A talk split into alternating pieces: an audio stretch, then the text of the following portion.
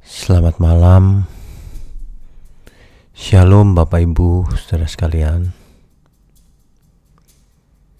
Sebagai seorang bapak atau orang tua, tentu akan mengharapkan anaknya menjadi seperti yang diinginkannya, yaitu menyenangkan hati Bapak, melakukan kehendak sehingga orang tua akan semakin mengasihi anaknya, sebab anak ini menyenangkan hati orang tuanya. Demikian juga seharusnya kita semua. Kita akan memiliki Bapa di surga. Bapa tentu menginginkan kita menjadi anak yang Dia kasihi di dalam 2 Petrus pasalnya yang pertama ayat 17 demikian firman Tuhan.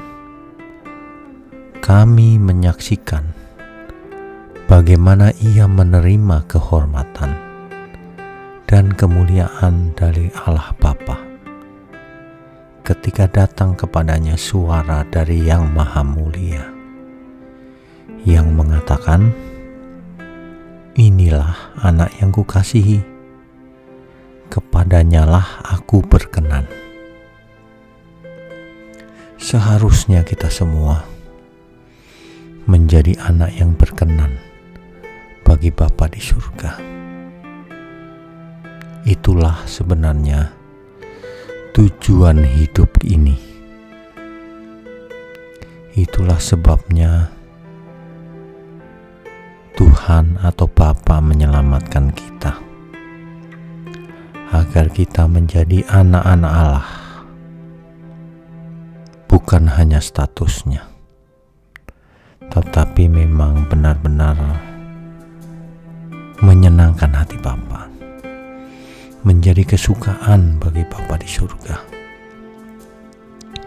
Seperti ketika Bapa suara datang dari surga menunjuk kepada Tuhan Yesus. Inilah anak yang kukasihi. Kepadanya aku berkenan. Seharusnya kita semua me menghayati akan kebenaran ini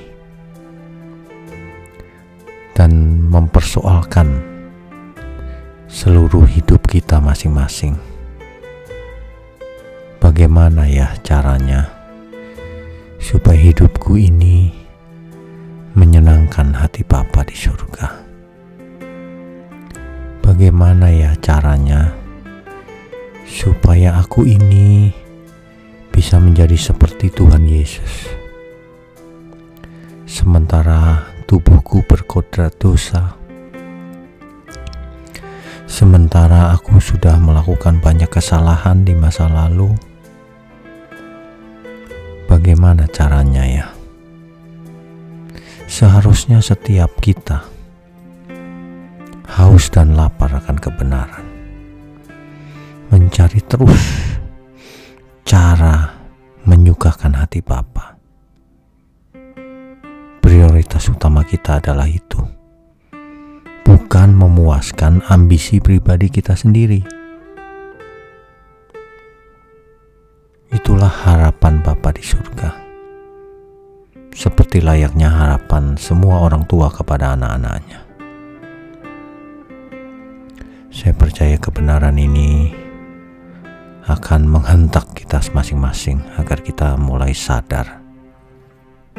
Itulah target utama hidup kita.